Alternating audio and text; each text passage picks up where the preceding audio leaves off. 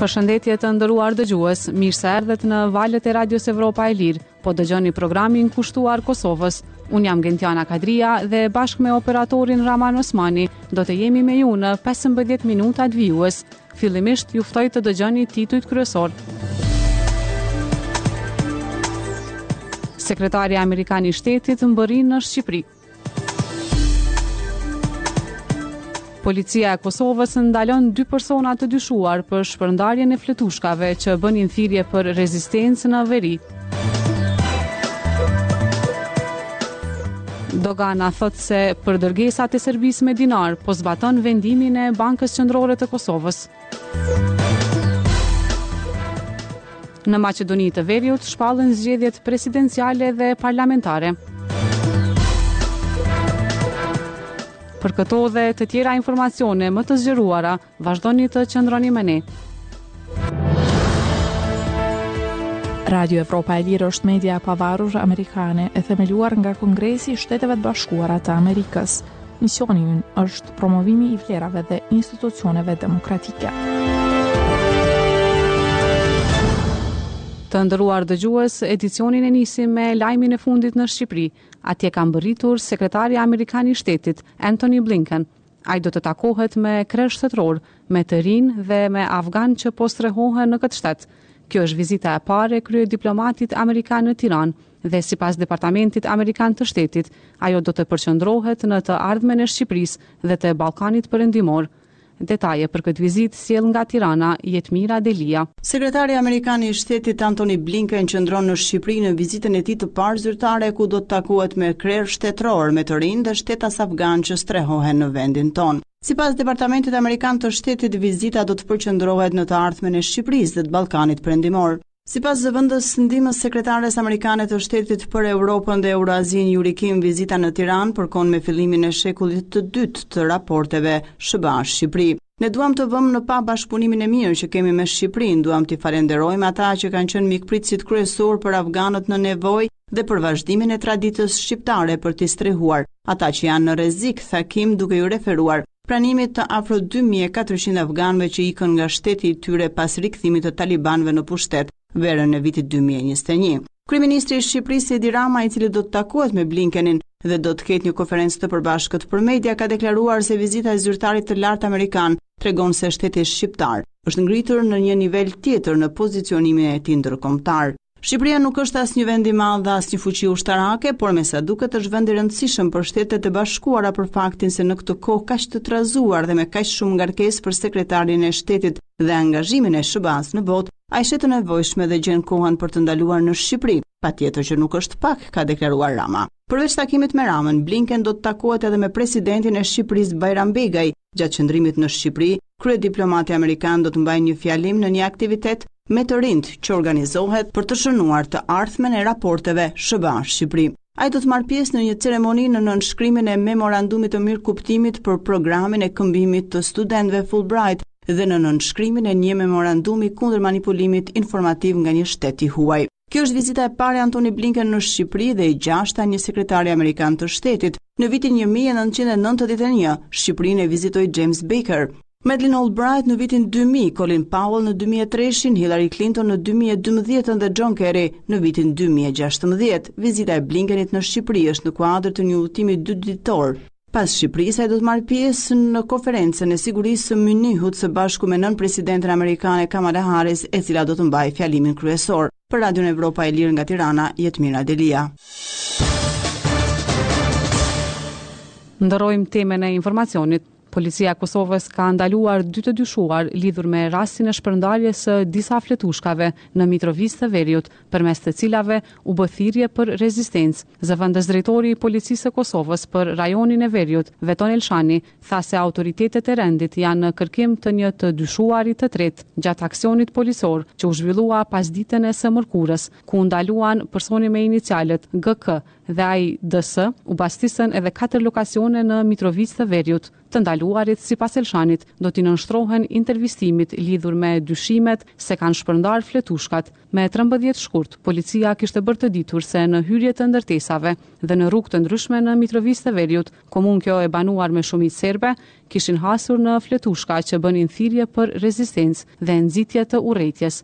Sipas autoriteteve, këto fletushka ishin shpërndarë gjatë dhe pas një proteste të serbëve në Mitrovicë të Veriut, të mbajtur më dymbëdhjetë shkurt, të cilët kundërshtuan vendimin për ndalimin e dinarit serb për kryerjen e pagesave në Kosovë. Fletushkat, që ishin nënshkruar nga Mbrojtja Popullore, të cilat ishin shpërndarë në kanale të ndryshme në Telegram, përmbanin udhëzime të supozuara për rezistencë ndaj Policisë së Kosovës. Ndër të tjera, në këto fletushka thuhej se Policia e Kosovës duhet të qëllohet me ndonjë mjet, të pështyhen pjesëtarët policorë e të ofendohen, pastaj të thyhen makinat policore me ndonjë mjet, si dhe të japen instruksione si të bëhen koktej molotovi dhe të ngjashme. Radio Evropa e Lirë nuk ka mundur të verifikojë autenticitetin e këtyre fletushkave të shpërndara në rrjetin social Telegram. Lista Serbe, partia kryesore e serbëve në Kosovë që gëzon mbështetjen e Beogradit zyrtar, deklaroi se kushdo që i ka bërë këto veprime ka pasur për synim të minojë paqen dhe të thellojë paqëndrueshmërinë në mënyrë që serbët të fajësohen për incidente të reja të mundshme.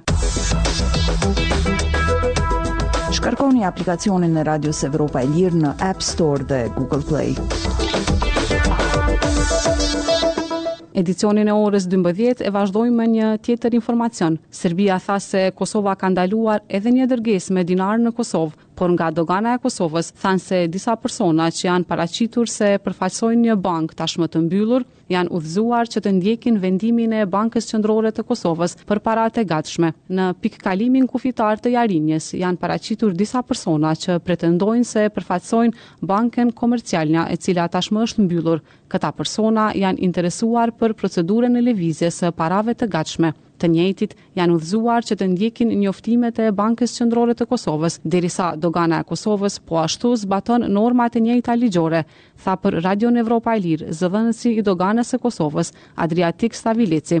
Banka NLB Komercialnja deri në fund të këtij janari kishte operuar në Kosovë dhe kishin licencë që të punonin me dinarin serb në Kosovë. Banka ka njoftuar klientët e saj se llogaritë e tyre në dinarë do të transferohen në një nga degët e bankës në qytetet e Serbisë, që nga një shkurti në Kosovë është në fuqi një rregullore e Bankës Qendrore të Kosovës, e cila thotë se vetëm euroja është valuta për pagesa me para të gatshme, duke ndaluar përdorimin e dinarit serb. Zyra për Kosovën në qeverinë serbe tha se dinarët që u ndaluan të shkonin në Kosovë ishin të destinuara për pagesën e rrogave, pensioneve dhe ndihmës tjetër sociale për pjesëtarët e komunitetit serb në Kosovë. Shefi i kësaj zyreje, Petar Petkoviq, tha se përfaqësuesit e Bankës Popullore të Serbisë dhe kompanisë Henderson janë përzënë nga pika kufitare mes Kosovës dhe Serbisë në Jarinje. Ai pretendoi se Policia e Kosovës i ka kërcënuar ata me arrestim. Më shtatë shkurt, autoritetet serbe po ashtu kishin deklaruar se një dërgesë me dinarë serbë u ndal në Jarinje,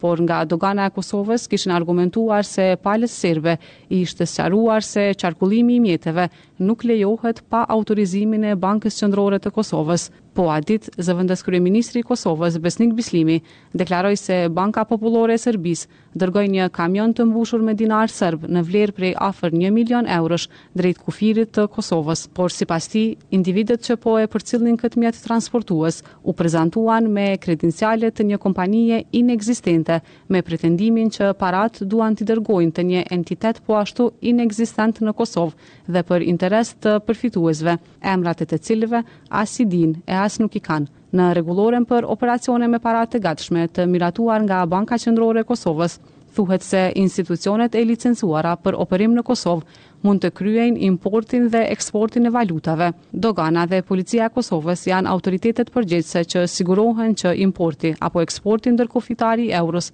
apo valutave të tjera nga dhe për në Kosovë mund të lejohet vetëm përmes paraqitjes së dëshmisë së licencës dhe autorizimit të lëshuar nga Banka Qendrore e Kosovës. Serbia ua paguan serbëve të Kosovës përmes një sistemi paralel, pagat, pensionet, ndihmat sociale dhe përfitimet e tjera, komuniteti ndërkombëtar po i kërkon Kosovës që të shtyjë zbatimin e vendimit, duke argumentuar se ai është marrë pa konsultime paraprake dhe pa informimin e duhur të qytetarëve.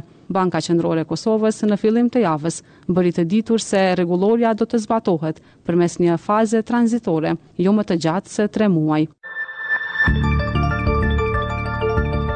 Në evropaelire.org mund të lexoni materiale dhe analiza ekskluzive nga vendi, rajoni dhe bota.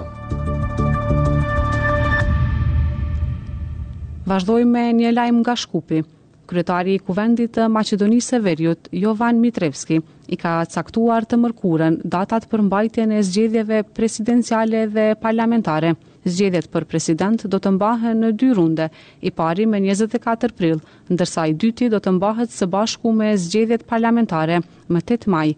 Mitrevski tha se beson se në periudhën parazgjedhore, të gjitha institucionet kompetente dhe të gjitha subjektet e përfshira në zgjedhje do të japin kontributin e tyre që të kemi zgjedhje të drejta, të lira dhe demokratike, ashtu siç e meriton një shtet anëtar i NATO-s dhe shtet që ka zgjedhur rrugën drejt anëtarësimit të plotë në Bashkimin Evropian. Maqedonia e Veriut në proceset e kaluara zgjedhore ka dëshmuar se ka kapacitet të organizojë zgjedhje demokratike, në përputhje me parimet dhe vlerat evropiane, Shprehja e të drejtës për të votuar lirshëm është akti më i lartë i demokracisë dhe besoj se qytetarët në këto zgjedhje do të bëjnë zgjidhjen më të mirë për të ardhmen e shtetit, tha ai.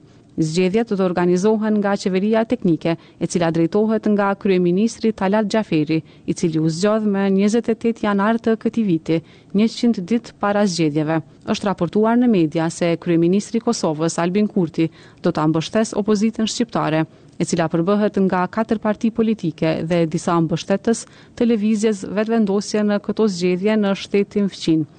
Duke folur për këtë, presidenti i Maqedonisë së Veriut, Stevo Pendarovski, tha se Kurti ka të drejtë të mbështesë persona dhe parti politike në zgjedhjet parlamentare në Maqedoninë e Veriut. Në fund të dhjetorit të vitit të kaluar, tri parti shqiptare në opozitë në Maqedoninë e Veriut, Lëvizja Besa, Alternativa Lëvizja Demokratike dhe më vonë kryetari i Aleancës për Shqiptarët, Arben Taravari, paralajmëruan listë të përbashkët zgjedhore për zgjedhjet e tetë majit. Bekim Çoku nga Lëvizja Vetëvendosje, i cili ka edhe shtetësi maqedonase, tha se partia e tij do t'i bashkohet kësaj liste.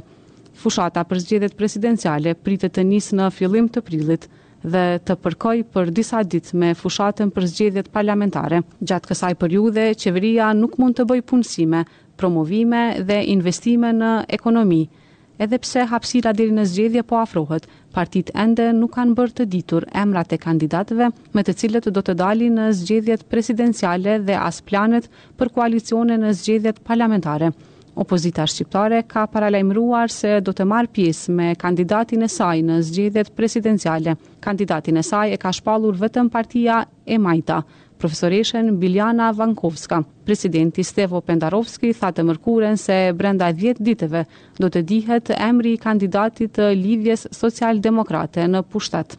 Pendarovski është njëri nga kandidatët e mundshëm edhe për një mandat në krye të Maqedonisë së Veriut. Nuk dihet ende nëse kandidati i LSDM-së do të ketë edhe mbështetjen e Bashkimit Demokratik për Integrim, e cila në zgjedhjet e kaluara kishte mbështetur Stevo Pendarovskin.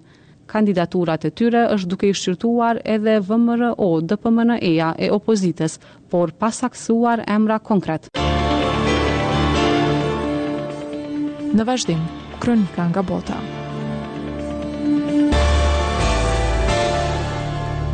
Ministrat e Mbrojtjes së NATO-s takohen sot në Bruksel për të diskutuar për vazhdimin e ndihmës ushtarake për Ukrainën e shkatërruar nga lufta dhe për rritjen e shpenzimeve ushtarake të Aleancës Perëndimore prej 31 anëtarësh.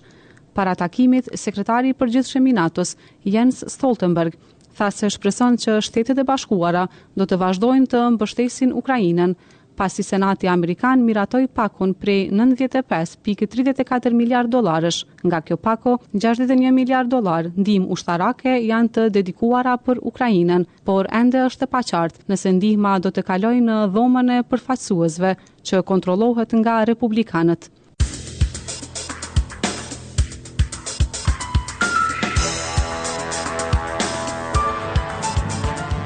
Të nderuar dëgjues, ishin këto informacionet e përgatitura për edicionin e Mesditës. Për më shumë lajme, vizitoni faqen tonë në internet evropaelire.org. Jemi aktivë edhe në rrjetet sociale, në Facebook, X, Instagram dhe YouTube.